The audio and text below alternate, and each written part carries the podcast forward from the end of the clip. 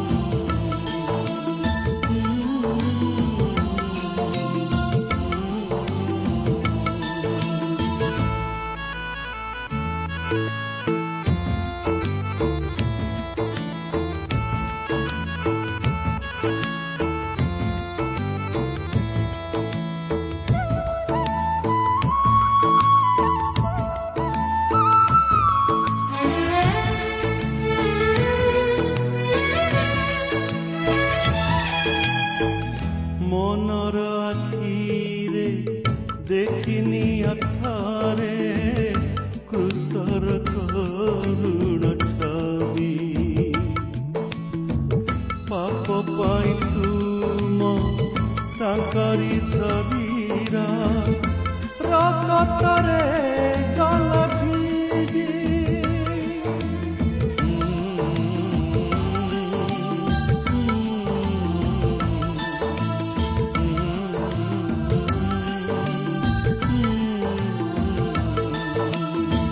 ତୁମ ପାପ ରୂପ ଗରଳ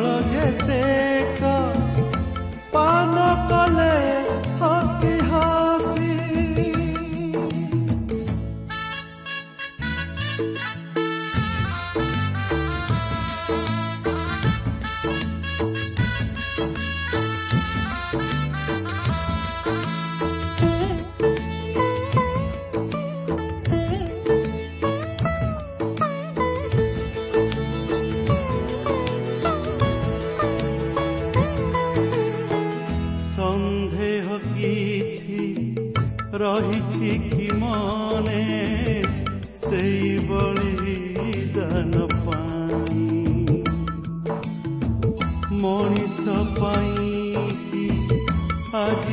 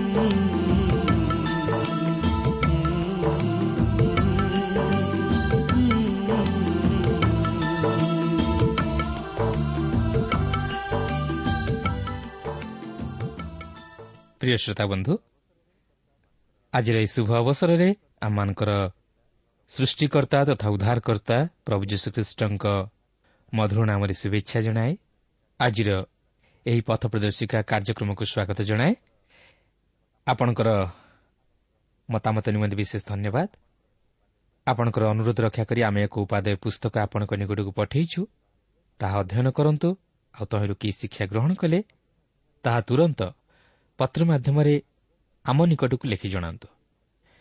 ଆସନ୍ତୁ ପ୍ରଭୁଙ୍କର ବାକ୍ୟ ମଧ୍ୟକୁ ଯିବା ପୂର୍ବରୁ ସଂକ୍ଷେପରେ ପ୍ରାର୍ଥନା କରିବା। ପବିତ୍ର ପ୍ରଭୁ ତୁମର ପବିତ୍ର ନାମର ଧନ୍ୟବାଦ କରୁଅଛି ସୁନ୍ଦର ସମୟ ପାଇଁ ସୁନ୍ଦର ସୁଯୋଗ ପାଇଁ ତୁମର ଜୀବନ୍ତ ବାକ୍ୟ ପାଇଁ। ହଁ ପ୍ରଭୁ ତୁମେ ସତ୍ୟ ତୁମେ ଜୀବନ୍ତ ଏବଂ ପ୍ରଭୁ ତୁମେ ଆମମାନଙ୍କ ସହିତ ଈଶ୍ୱର। ଆଜି ମଧ୍ୟ ପ୍ରଭୁ ତୁମେ ତୁମର ବାକ୍ୟ ମଧ୍ୟ ଦେଇ ଆମମାନଙ୍କ ସହିତ କଥା କହିବା ପାଇଁ ଯାଉଅଛ।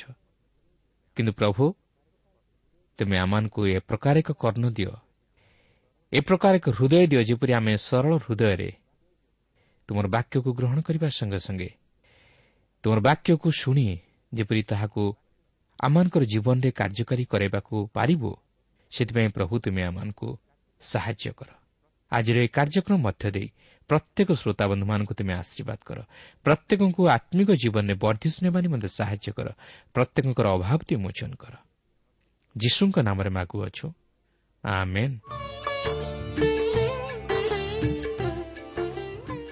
ଆଜି ଆମେ ଯୌହନ ଲିଖିତ ସୁଷମାଚାରର ଦଶ ପର୍ବର ପ୍ରଥମ ପଦରୁ ଆରମ୍ଭ କରି ତେର ପଦ ପର୍ଯ୍ୟନ୍ତ ଅଧ୍ୟୟନ କରିବା ନିମନ୍ତେ ଯିବା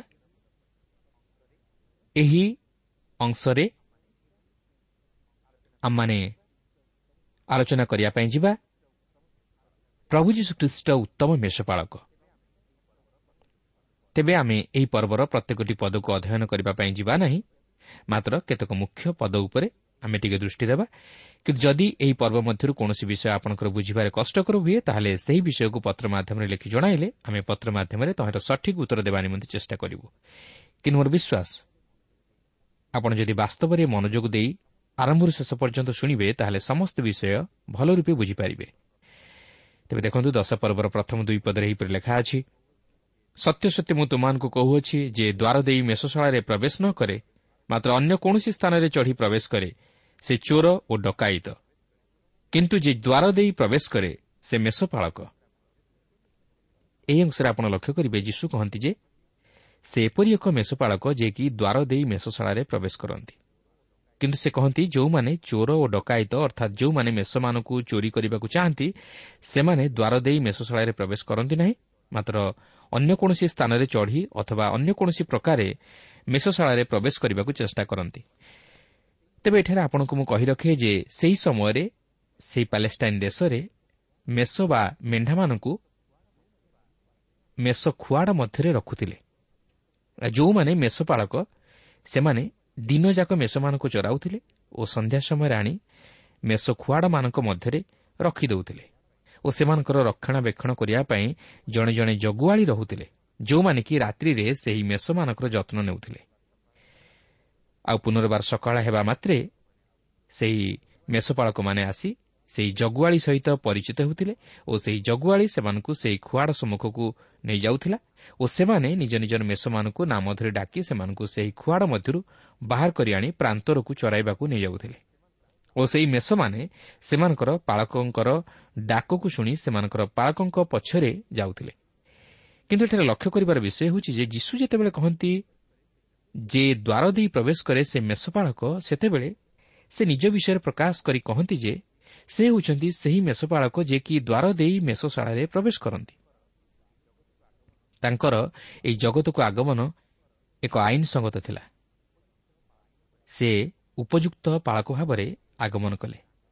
ପୁରାତନ ନିୟମରେ ତାହାଙ୍କର ଆଗମନ ନେଇ ଯେଉଁ ସମସ୍ତ ଭାବବାଣୀ ହୋଇଥିଲା ସେହି ସମସ୍ତ ଭାବବାଣୀ ତାହାଙ୍କ ଆଗମନରେ ସଫଳ ହେଲା। ସେ ମଧ୍ୟ ବ୍ୟବସ୍ଥାର ଅଧୀନ ହୋଇ ଆସିଲେ ଓ ବ୍ୟବସ୍ଥା ଅନୁଯାୟୀ ସମସ୍ତ ବିଷୟ ସାଧନ କଲେ। ଗାଲାତୀୟ ଚାରିପର୍ବର ଚାରିପଦରେ ଲେଖା ଅଛି କିନ୍ତୁ କାଳ ସମ୍ପୂର୍ଣ୍ଣ ହୁଅନ୍ତେ ଈଶ୍ୱର ଆପଣା ନିକଟରୁ ନିଜ ପୁତ୍ରଙ୍କୁ ପ୍ରେରଣ କଲେ। ସେ ସ୍ତ୍ରୀ ଜାତ ହୋଇ ବ୍ୟବସ୍ଥାଧୀନ ହେଲେ। ଯେପରି ସେ ମୂଲ୍ୟ ଦେଇ ବ୍ୟବସ୍ଥାଧୀନ ଲୋକମାନଙ୍କୁ ମୁକ୍ତ କରନ୍ତି ପୁଣି ଆମ୍ଭେମାନେ ପୁତ୍ରତ୍ୱର ଅଧିକାର ପ୍ରାପ୍ତ ହେଉ। କେବଳ ସେତିକି ନୁହେଁ ସେ ମଧ୍ୟ ଭାଓବାଣୀ ଅନୁଯାୟୀ ଦାଉଦଙ୍କ ବଂଶରେ ଜନ୍ମଗ୍ରହଣ କଲେ ଯାହାକି ଲୋକ ଏକ ପର୍ବର ବତିଶ ପଦରେ ଲେଖା ଅଛି। ସେ ମଧ୍ୟ ଭାଓବାଣୀ ଅନୁଯାୟୀ ବେଥୁଲିମରେ ଜନ୍ମଗ୍ରହଣ କଲେ ଯାହାକି ମିଖା ପାଞ୍ଚ ପର୍ବର ଦୁଇ ପଦରେ ଲେଖା ଅଛି। ସେ କେବଳ ଦାଉଦଙ୍କ ବଂଶରେ ଜନ୍ମଗ୍ରହଣ କଲେ ନାହିଁ ମାତ୍ର ଭାବଣୀ ଅନୁଯାୟୀ ଜଣେ କୁମାରୀ ଗର୍ଭରୁ ଜନ୍ମ ଲାଭ କଲେ ଯାହାକି ଜିସାୟ ସାତ ପର୍ବର ଚଉଦ ପଦରେ ଲେଖା ଅଛି।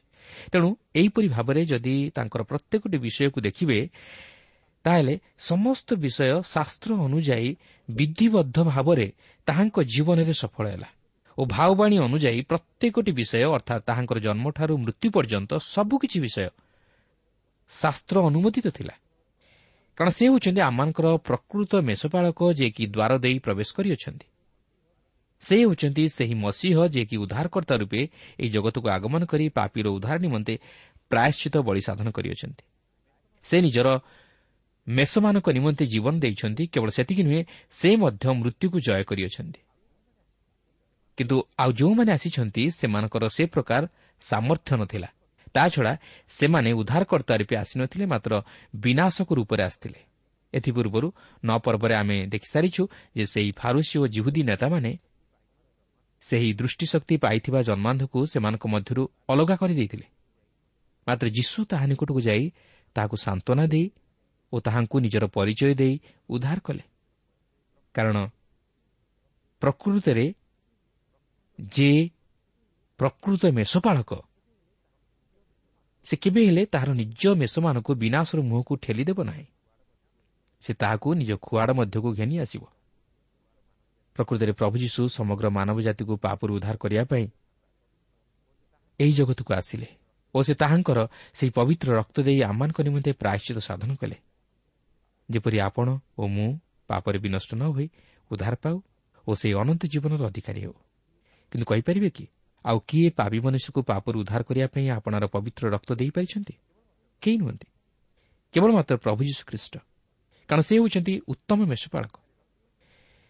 ତେବେ ଏଠାରେ ଲକ୍ଷ୍ୟ କରିବାର ବିଷୟ ହେଉଛି ସେହି ମେଷଶାଳା ଇସ୍ରାଏଲ୍ ଜାତିକୁ ପ୍ରଦର୍ଶିତ କରେ ଓ ସେହି ମେଷପାଳକ ପ୍ରଭୁ ଯୀଶୁଖ୍ରୀଷ୍ଟଙ୍କୁ ଦର୍ଶାଏ ଯେ କି ଆପଣାର ଲୋକମାନଙ୍କୁ ଉଦ୍ଧାର କରିବା ନିମନ୍ତେ ଏହି ଜଗତକୁ ଆସିଥିଲେ। ସେ ଯେ କେବଳ ଇସ୍ରାଏଲ୍ ଜାତିକୁ ଉଦ୍ଧାର କରିବା ନିମନ୍ତେ ଆସିଲେ ତାହା ନୁହେଁ ଏଥିସହିତ ସେ ସମଗ୍ର ମାନବ ଜାତିକୁ ମଧ୍ୟ ଉଦ୍ଧାର କରିବା ନିମନ୍ତେ ଆସିଲେ। ସେଥିପାଇଁ ଏହି ଦଶ ପର୍ବର ଷୋହଳ ପଦରେ ଲେଖା ଅଛି ଯାହାକି ଯୀଶୁ ନିଜେ କହନ୍ତି ଯେଉଁ ମେଷଗୁଡ଼ିକ ଏହି ମେଷଶାଳାରେ ନୁହନ୍ତି ମୋହର ଏପରି ଅନେକ ମେଷଗୁଡ଼ିକ ଅଛନ୍ତି। ସେମାନଙ୍କୁ ମଧ୍ୟ ମୋତେ ଆଣିବାକୁ ହେବ। ପୁଣି ସେମାନେ ମୋହର ସ୍ୱର ଶୁଣିବେ ସେଥିରେ ଗୋଟିଏ ପଲ ଓ ଗୋଟିଏ ପାଳକ ହେବେ। ଏହାପରେ ତିନି ପଦରୁ ପାଞ୍ଚ ପଦରେ ଲେଖା ଅଛି ଦ୍ୱାରୀ ତାହା ନିମନ୍ତେ ଦ୍ୱାର ଫିଟାଇ ଦିଏ ପୁଣି ମେଷଗୁଡ଼ିକ ତାହାର ସ୍ୱର ଶୁଣନ୍ତି ଆଉ ସେ ନିଜର ମେଷ ସବୁକୁ ନାମ ଧରି ଡାକି ବାହାର କରି ଘେନିଯାଏ। ସେ ନିଜର ମେଷ ସବୁକୁ ବାହାର କଲା ଉତ୍ତାରେ ସେମାନଙ୍କ ଆଗେ ଆଗେ ଚାଲେ ଓ ମେଷଗୁଡ଼ିକ ତାହାର ପଛେ ପଛେ ଚାଲନ୍ତି। କାରଣ ସେମାନେ ତାହାର ସ୍ୱର ଚିହ୍ନନ୍ତି। କିନ୍ତୁ ସେମାନେ ଅଚିହ୍ନା ଲୋକର ପଛେ ପଛେ କେବେ ହିଁ ଚାଲିବେ ନାହିଁ। ମାତ୍ର ତାହା ପାଖରୁ ପଳାଇଯିବେ। କାରଣ ସେମାନେ ଅଚିହ୍ନା ଲୋକମାନଙ୍କ ସ୍ୱର ଚିହ୍ନନ୍ତି ନାହିଁ। ଏହି ଅଂଶରେ ଆପଣ ଲକ୍ଷ୍ୟ କରିବେ ଦ୍ୱାରୀ ବିଷୟ ମଧ୍ୟ ଲେଖା ଅଛି। ତେବେ ଏହି ଦ୍ୱାରୀ କିଏ? ଏହି ଦ୍ୱାରୀ ହେଉଛନ୍ତି ପବିତ୍ର ଆତ୍ମା। କାରଣ ଯେପର୍ଯ୍ୟନ୍ତ ପବିତ୍ର ଆତ୍ମା ଈଶ୍ୱରଙ୍କ ବାକ୍ୟ ମାଧ୍ୟମରେ ଆମ ସହ କଥାବାର୍ତ୍ତା ନ କରିଛନ୍ତି ସେ ପର୍ଯ୍ୟନ୍ତ ଆମେ ପ୍ରଭୁ ଯୀଶୁଙ୍କ ସ୍ୱର ଶୁଣିପାରିବା ନାହିଁ। ପବିତ୍ର ଆତ୍ମା ଆମମାନଙ୍କର ଆତ୍ମିକ କର୍ଣ୍ଣକୁ ଉନ୍ମୁକ୍ତ କରନ୍ତି ଯଦ୍ୱାରା ଆମେ ପ୍ରଭୁ ଯୀଶୁଙ୍କ ସ୍ୱର ଶୁଣିପାରୁ। ଆପଣ ଦେଖନ୍ତୁ ସେହି ପବିତ୍ର ଆତ୍ମା ପ୍ରଭୁ ଯୀଶୁଙ୍କ ଉପରେ ଅବତରଣ କଲେ ଆଉ ସେ ସମସ୍ତ କିଛି ଈଶ୍ୱରଙ୍କ ଆତ୍ମାଙ୍କ ଶକ୍ତିରେ ହିଁ ସାଧନ କଲେ। ତେଣୁ ପ୍ରିୟ ବନ୍ଧୁ ଯେପର୍ଯ୍ୟନ୍ତ ପବିତ୍ର ଆତ୍ମାଙ୍କୁ ଆପଣଙ୍କ ହୃଦୟ ମଧ୍ୟକୁ ଆହ୍ୱାନ କରିନାହାନ୍ତି ଓ ସେ ଆପଣଙ୍କ ହୃଦୟକୁ ଅଧିକାର କରିନାହାନ୍ତି ସେ ପର୍ଯ୍ୟନ୍ତ ଆପଣ ଯୀଶୁଙ୍କର ରବ ଶୁଣିବା ନିମନ୍ତେ ବା ଯୀଶୁଙ୍କୁ ଦେଖିବା ନିମନ୍ତେ ସମର୍ଥ ହୋଇପାରିବେ ନାହିଁ। କିନ୍ତୁ ଏହି ପବିତ୍ର ଆତ୍ମାକୁ ଗ୍ରହଣ କରିବାକୁ ହେଲେ ଆପଣଙ୍କୁ ପବିତ୍ର ହେବାକୁ ହେବ ଓ ଈଶ୍ୱରଙ୍କ ବାକ୍ୟକୁ ଗ୍ରହଣ କରି ସେହି ବାକ୍ୟ ଅନୁଯାୟୀ ଜୀବନଯାପନ କଲେ ଆପଣ ପବିତ୍ର ଆତ୍ମାଙ୍କର ସହାୟତାକୁ ଉପଲବ୍ଧି କରିପାରିବେ। କାରଣ ପବିତ୍ର ଆତ୍ମା ଆମର ଆତ୍ମିକ କର୍ଣ୍ଣକୁ ଉନ୍ମୁକ୍ତ କରନ୍ତି ଯଦ୍ୱାରା ଆମେ ଯୀଶୁଙ୍କର ସ୍ୱର ଶୁଣିବାକୁ ପାରୁ। ପ୍ରକୃତରେ ଯେଉଁମାନେ ତାଙ୍କର ମେଷ ସେମାନେ ହିଁ କେବଳ ତାହାଙ୍କ ସ୍ୱର ଶୁଣିପାରିବେ। କିନ୍ତୁ ସେମାନେ ଅଚିହ୍ନା ଲୋକର ସ୍ୱର ଶୁଣି ତାହା ପଛରେ କେବେ ହେଲେ ଗମନ କରିବେ ନାହିଁ। ପ୍ରିୟ ବନ୍ଧୁ ଏହି ଜଗତରେ ଅନେକ ଏପରି ଅଛନ୍ତି ଯେଉଁମାନେ କି ପ୍ରଭୁ ଯୀଶୁଙ୍କର ମେଷମାନଙ୍କୁ ବିନାଶ କରିବାକୁ ଚାହାନ୍ତି। ଆଜି ଅନେକ ବିଭିନ୍ନ ପ୍ରକାର ପ୍ରଲୋଭନ ଦେଖାଇ ଲୋକମାନଙ୍କୁ ଭ୍ରାନ୍ତ ଶିକ୍ଷାରେ ପରିଚାଳିତ କରାନ୍ତି। ଆଜି ଶୟତାନ ମଧ୍ୟ ସେହି ମେଷପାଳକର ଛଦ୍ମବେଶ ଧରି ଲୋକମାନଙ୍କୁ ଈଶ୍ୱରଙ୍କଠାରୁ ଦୂରକୁ ନେଇଯାଇ ବିନାଶ କରିବାକୁ ଚେଷ୍ଟା ଚଳାଇছে ମାତ୍ର ଯେଉଁମାନେ ପ୍ରକୃତରେ ପ୍ରଭୁ ଯୀଶୁଙ୍କର ମେଷ ଓ ଓ ତାହାଙ୍କର ସ୍ୱର ଶୁଣନ୍ତି ସେମାନେ କେବେ ହେଲେ ପଥଭ୍ରଷ୍ଟ ହେବେ ନାହିଁ କି ଶୟତାନର ଶିକାର ହୋଇପାରିବେ ନାହିଁ। ଯଦିଓ ଶୟତାନ ସେମାନଙ୍କୁ ବିନାଶ କରିବା ନିମନ୍ତେ ଚେଷ୍ଟା କରିବ ମାତ୍ର ସେମାନେ ବିନଷ୍ଟ ହେବେ ନାହିଁ। ପ୍ରିୟ ବନ୍ଧୁ ଏହି ଜଗତରେ ଆପଣଙ୍କ ପାଇଁ ଅନେକ ପ୍ରଲୋଭନ ଆସିବ। ଓ ଅନେକ ଏହିପରି ଡାକରା ଆସିବ। ଅନେକ ଭ୍ରାନ୍ତ ଶିକ୍ଷା ଦେଇ ଆପଣଙ୍କର ବିଶ୍ୱାସକୁ ଦୁର୍ବଳ କରିଦେବାକୁ ଚାହିଁବେ। ଅନେକ ପ୍ରକାର ହତୋତ୍ସାହଜନକ କଥା କହି ଆପଣଙ୍କୁ ନିରୁତ୍ସାହିତ କରିବାକୁ ଚେଷ୍ଟା କରିବେ। ମାତ୍ର ଆପଣ ଯଦି ଆପଣଙ୍କର ବିଶ୍ୱାସରେ ସ୍ଥିର ରୁହନ୍ତି ଓ ପ୍ରଭୁ ଯୀଶୁଙ୍କର ସ୍ୱରକୁ ଶୁଣିବାକୁ ଚେଷ୍ଟା କରନ୍ତି ଓ ତାହାଙ୍କ ବାକ୍ୟରେ ମନୋଯୋଗ କରନ୍ତି ତାହେଲେ ଆପଣ କେବେ ହେଲେ ଅନ୍ୟ କାହାର ସ୍ୱର ଶୁଣିବେ ନାହିଁ କି କାହାର ଭ୍ରାନ୍ତ ଶିକ୍ଷାରେ ପରିଚାଳିତ ହେବେ ନାହିଁ। କିନ୍ତୁ ପ୍ରଭୁ ଯୀଶୁଙ୍କ ସ୍ୱର ଚିହ୍ନିବାକୁ ହେଲେ ତାହାଙ୍କ ବାକ୍ୟରେ ମନୋଯୋଗ କରିବାକୁ ହେବ ଓ ତାହାଙ୍କ ବାକ୍ୟକୁ ବିଶ୍ୱାସର ସହିତ ଗ୍ରହଣ କରି ତଦନୁଯାୟୀ ଜୀବନଯାପନ କଲେ ସେ ପବିତ୍ର ଆତ୍ମାଙ୍କ ମାଧ୍ୟମରେ ଆପଣଙ୍କ ହୃଦୟରେ କଥା କହିବେ ଯଦ୍ୱାରା ଆପଣ ତାଙ୍କର ସ୍ୱର ଚିହ୍ନିବା ନିମନ୍ତେ ସକ୍ଷମ ହୋଇପାରିବେ। ଏହାପରେ ଆପଣ ଦେଖନ୍ତୁ ଛଅ ପଦରେ ଏହିପରି ଲେଖା ଅଛି ଯୀଶୁ ସେମାନଙ୍କୁ ଏହି ଉପମା କହିଲେ କିନ୍ତୁ ସେ ସେମାନଙ୍କୁ ଯାହା ଯାହା କହୁଥିଲେ ସେହିସବୁ କ'ଣ ବୋଲି ସେମାନେ ବୁଝିଲେ ନାହିଁ। ଯୀଶୁ ଏହି ସମସ୍ତ ବିଷୟ ସେହି ଅବିଶ୍ୱାସୀ ଫାରୁସୀମାନଙ୍କୁ ଲକ୍ଷ୍ୟ କରି କହିଥିଲେ ମାତ୍ର ସେମାନଙ୍କର ଆତ୍ମିକ କର୍ଣ୍ଣ ଏପରି ରୋଧ ହୋଇଥିଲା ଯେ ସେମାନେ ଶୁଣିଲେ ମଧ୍ୟ ତାହା ବୁଝିବା ନିମନ୍ତେ ସକ୍ଷମ ହୋଇପାରି ନ ଥିଲେ କାରଣ ସେମାନେ ଯୀଶୁଙ୍କର ବାକ୍ୟରେ ବିଶ୍ୱାସ କରୁନଥିଲେ। ଆଜି ଆପଣ କେଉଁପରି ହୃଦୟ ଓ ମନ ନେଇ ଈଶ୍ୱରଙ୍କର ବାକ୍ୟ ଶୁଣନ୍ତି? କେବଳ ଶୁଣିଲେ ଯଥେଷ୍ଟ ନୁହେଁ କିନ୍ତୁ ଶୁଣିକି ତାହା ବିଶ୍ୱାସର ସହିତ ଗ୍ରହଣ କଲେ ଆପଣ ତାହା ବୁଝିବା ନିମନ୍ତେ ସମର୍ଥ ହୋଇପାରିବେ ସେଦିନ ଫାରୁସୀମାନେ ଶୁଣିଲେ ମଧ୍ୟ ବୁଝିପାରି ନ ଥିଲେ ଯେହେତୁ ସେମାନେ ସେହି ବାକ୍ୟରେ ବିଶ୍ୱାସ କରୁନଥିଲେ ତେଣୁ ସେମାନଙ୍କ ନିମନ୍ତେ ଏହା ମୂଲ୍ୟହୀନ ତଥା ଅର୍ଥହୀନ ଥିଲା ଆଜି ଯଦି ଆପଣ ଏହି ବାକ୍ୟରେ ବିଶ୍ୱାସ ନ କରନ୍ତି ତାହେଲେ ଆପଣଙ୍କର ଶୁଣିବା ମଧ୍ୟ ବ୍ୟର୍ଥ ଓ ଆପଣ କେବେ ହେଲେ ପ୍ରଭୁ ଯୀଶୁଙ୍କୁ ଜାଣିବା ନିମନ୍ତେ ସକ୍ଷମ ହୋଇପାରିବେ ନାହିଁ ଆପଣ ପ୍ରଭୁ ଯୀଶୁଙ୍କ ବିଷୟରେ ଅଧିକ କିଛି ଜାଣିଥାଇପାରନ୍ତି? ମାତ୍ର ତହିଁରେ ଯଦି ବିଶ୍ୱାସ ନ କରନ୍ତି ତାହେଲେ ତାହା ମୂଲ୍ୟହୀନ। ଏହାପରେ ସାତ ଓ ଆଠ ପଦରେ ଆମେ ଦେଖିବାକୁ ପାରିବା ଯୀଶୁ ଯେ କେବଳ ଉତ୍ତମ ମେଷପାଳକ ସ୍ୱରୂପେ ଦ୍ୱାର ଦେଇ ପ୍ରବେଶ କଲେ ତାହା ନୁହେଁ ସେ ମଧ୍ୟ ମେଷଗୁଡ଼ିକର ଦ୍ୱାର ଥିଲେ। ଦେଖନ୍ତୁ ସାତ ଓ ଆଠ ପଦରେ ଏହିପରି ଲେଖା ଅଛି ତେଣୁ ଯୀଶୁ ପୁନର୍ବାର କହିଲେ ସତ୍ୟ ସତ୍ୟ ମୁଁ ତୁମାନଙ୍କୁ କହୁଅଛି ମୁଁ ମେଷଗୁଡ଼ିକର ଦ୍ୱାର ଯେତେଜଣ ମୋ ପୂର୍ବରେ ଆସିଅଛନ୍ତି ସେମାନେ ସମସ୍ତେ ଚୋର ଓ ଡକାୟତ କିନ୍ତୁ ମେଷ ସବୁ ସେମାନଙ୍କ କଥା ଶୁଣିଲେ ନାହିଁ। ଏଠାରେ ପ୍ରଭୁ ଯୀଶୁ କହୁନାହାନ୍ତି ଯେ ତାଙ୍କ ପୂର୍ବରୁ ଯେଉଁ ଭବିଷ୍ୟତ ବକ୍ତାମାନେ ଆସି ପ୍ରଚାର କଲେ ସେମାନେ ଚୋର ଓ ଡକାୟତ ବୋଲି। ମାତ୍ର ସେ ଏହା ଜୁହୁଦୀ ନେତାମାନଙ୍କୁ ଲକ୍ଷ୍ୟ କରି କହନ୍ତି। ତେବେ ଯୀଶୁ ଏଠାରେ ନିଜକୁ ମେଷମାନଙ୍କର ଦ୍ୱାର ରୂପେ ଉପସ୍ଥାପିତ କରନ୍ତି। କାରଣ ସେ ଯେ କେବଳ ଦ୍ୱାର ଦେଇ ପ୍ରବେଶ କରନ୍ତି ତାହା ନୁହେଁ ସେ ମଧ୍ୟ ନିଜେ ଦ୍ୱାର ସ୍ୱରୂପ। ସେଥିପାଇଁ ଯୀଶୁ ନିଜେ କହନ୍ତି ମୁଁ ପଥ ସତ୍ୟ ଓ ଜୀବନ ମୋ ଦେଇ ନଗଲେ କେହି ପିତାଙ୍କ ନିକଟକୁ ଯାଇପାରେ ନାହିଁ। କାରଣ ସେ ହିଁ ଏକମାତ୍ର ଜଗତର ଉଦ୍ଧାରକର୍ତ୍ତା ଯାହାଙ୍କଠାରେ ବିଶ୍ୱାସ କରିବା ଦ୍ୱାରା ମନୁଷ୍ୟ ପାପରୁ ଉଦ୍ଧାର ପାଇ ସେହି ଅନନ୍ତ ଜୀବନର ପଥରେ ଗତି କରେ। ସେହି ପ୍ରଭୁ ଯୀଶୁଖ୍ରୀଷ୍ଟଙ୍କଠାରେ ଅଛି ଶାନ୍ତି ମୁକ୍ତି ଓ ଜୀବନ। ସେ ଯେ କେବଳ କଥାରେ କହିଗଲେ ତାହା ନୁହେଁ ମାତ୍ର ତାହା କାର୍ଯ୍ୟରେ ମଧ୍ୟ ପ୍ରତିଫଳିତ କଲେ। ଏହାପରେ ତୃତୀୟରେ ସେ କହନ୍ତି ମୁଁ ଦ୍ୱାର ଯାହାକି ଆପଣ ନଅ ଓ ଦଶ ପଦରେ ଦେଖିବାକୁ ପାରିବେ। ଦେଖନ୍ତୁ ଏଠାରେ ଏହିପରି ଲେଖା ଅଛି ମୁଁ ଦ୍ୱାର ଯଦି କେହି ମୋ ଦେଇ ପ୍ରବେଶ କରେ ତାହେଲେ ସେ ରକ୍ଷା ପାଇବ ଏବଂ ଭିତରକୁ ଆସି ଓ ବାହାରକୁ ଯାଇ ଚରା ପାଇବ। ଚୋର କେବଳ ଚୋରି ବଧ ଓ ବିନାଶ କରିବା ନିମନ୍ତେ ଆସେ। ସେମାନେ ଯେପରି ଜୀବନ ପାଆନ୍ତି ଓ ପ୍ରଚୁର ଭାବରେ ପାଆନ୍ତି ଏଥିନିମନ୍ତେ ମୁଁ ଆସିଅଛି। ଏହି ଅଂଶରେ ଆପଣ ଦେଖିବେ ଯୀଶୁ କହନ୍ତି ସେ ହେଉଛନ୍ତି ଦ୍ୱାର। ଅର୍ଥାତ୍ ପ୍ରତ୍ୟେକଙ୍କ ନିମନ୍ତେ ସେ ହେଉଛନ୍ତି ଏକମାତ୍ର ପଥ। ଅର୍ଥାତ୍ ସେ ହେଉଛନ୍ତି ଏକମାତ୍ର ଉଦ୍ଧାରର ପଥ। ଜୁଉରୀମାନେ ହୁଅନ୍ତୁ ବା ଅଣଜୁଉରୀମାନେ ହୁଅନ୍ତୁ ପ୍ରତ୍ୟେକଙ୍କ ନିମନ୍ତେ ସେ ହିଁ ଏକମାତ୍ର ପଥ। ସେହି ଖ୍ରୀଷ୍ଟଙ୍କଠାରେ ଆମମାନଙ୍କର ସ୍ୱାଧୀନତା ଅଛି। କାରଣ ସେ ସମଗ୍ର ଜଗତର ମାନବ ଜାତି ନିମନ୍ତେ ସେହି ଉଦ୍ଧାରର ଯୋଜନା ସାଧନ କରିଅଛନ୍ତି ଓ ପ୍ରତ୍ୟେକଙ୍କ ନିମନ୍ତେ ତାହାଙ୍କର ସେହି ପବିତ୍ର ରକ୍ତ ଦେଇଅଛନ୍ତି।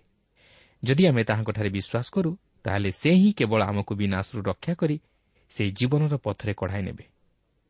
ସେ ଆମମାନଙ୍କର ସହିତରେ ରହି ଆମକୁ ପ୍ରତିପାଳନ କରିବେ। ସେ ଆମର ସୁଖ ଦୁଃଖରେ ସହାୟ ହେବେ। ସେ ଆମମାନଙ୍କର ସମସ୍ତ ଆବଶ୍ୟକତାକୁ ପୂରଣ କରିବେ।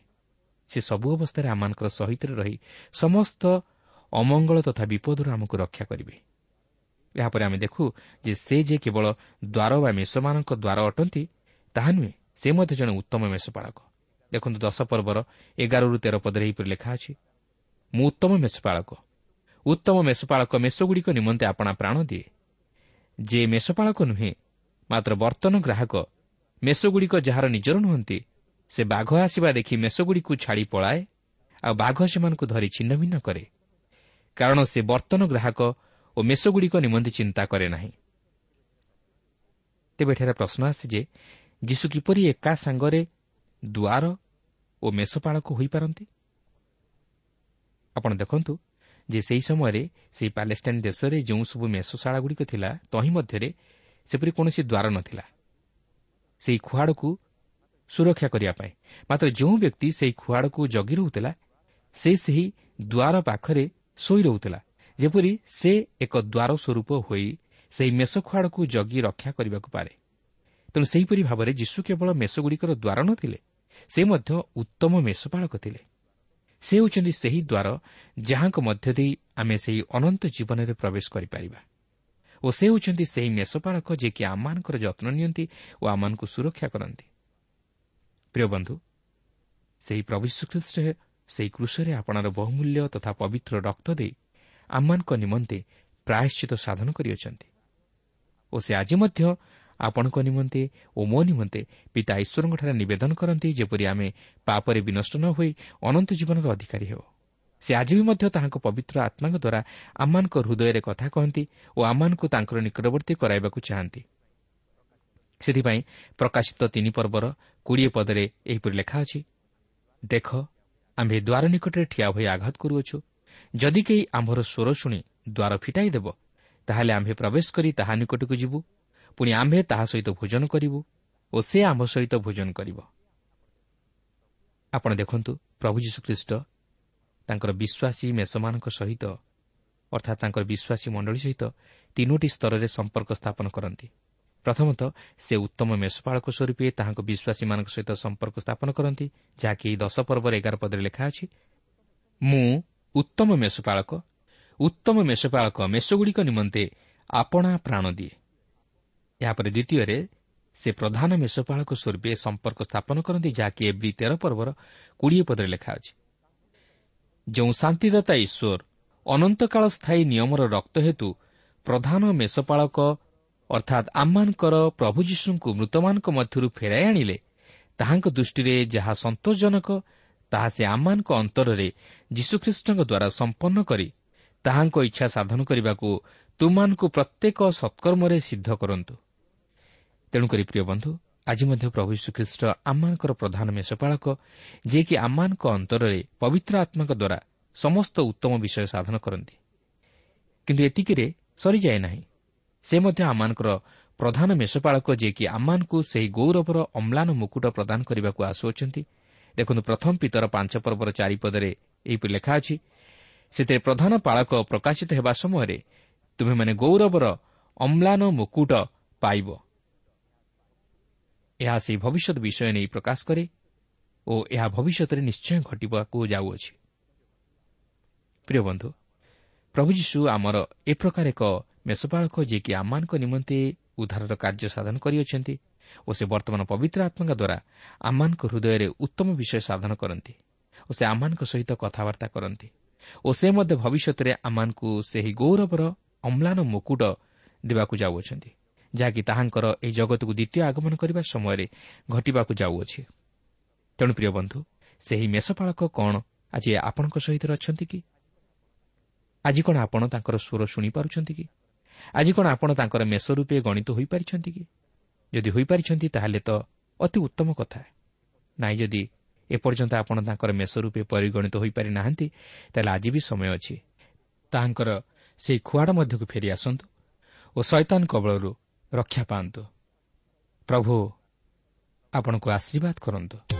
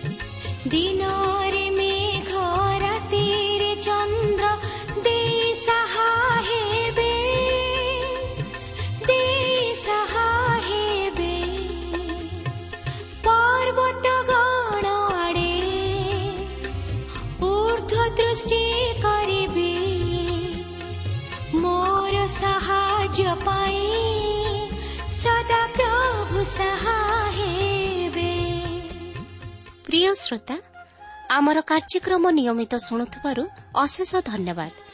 ଆପଣ ଏହି କାର୍ଯ୍ୟକ୍ରମ ଶୁଣିବା ଦ୍ୱାରା ଆତ୍ମିକ ଜୀବନରେ ଉପକୃତ ହୋଇପାରିଥିବେ ବୋଲି ଆମର ବିଶ୍ୱାସ। ପ୍ରଭୁ ଶିଶୁଙ୍କ ବିଷୟରେ ଅଧିକ ଜାଣିବାର ଆଗ୍ରହ ଥିଲେ ଅଥବା ଉପାଦାୟ ପୁସ୍ତକର ଆବଶ୍ୟକ ଥିଲେ ଆମ ସହ ଯୋଗାଯୋଗ କରନ୍ତୁ। ଆମର ଠିକଣା ପଥ ପ୍ରଦର୍ଶିକା Trans World Radio India post box number ତିନି ତିନି ଭୁବନେଶ୍ୱର ସାତ ପାଞ୍ଚ ଏକ ଶୂନ ଶୂନ ଏକ। Mobile number nine seven double seven double two one four one five ঠিকଣାটি ଆଉଥରେ ଶୁଣନ୍ତୁ ପଥ ପ୍ରଦର୍ଶିକା Trans World Radio India post box number three three Bhubaneswar seven five one zero zero one mobile number nine seven double seven double two one four one five ଆମର email ଆଡ଼୍ରେସ୍ଟି ଲେଖି ରଖନ୍ତୁ Odia TTV at radio eight eight two dot com ତେବେ ଆଜି ପାଇଁ ବିଦାୟ ଦିଅନ୍ତୁ। ନମସ୍କାର।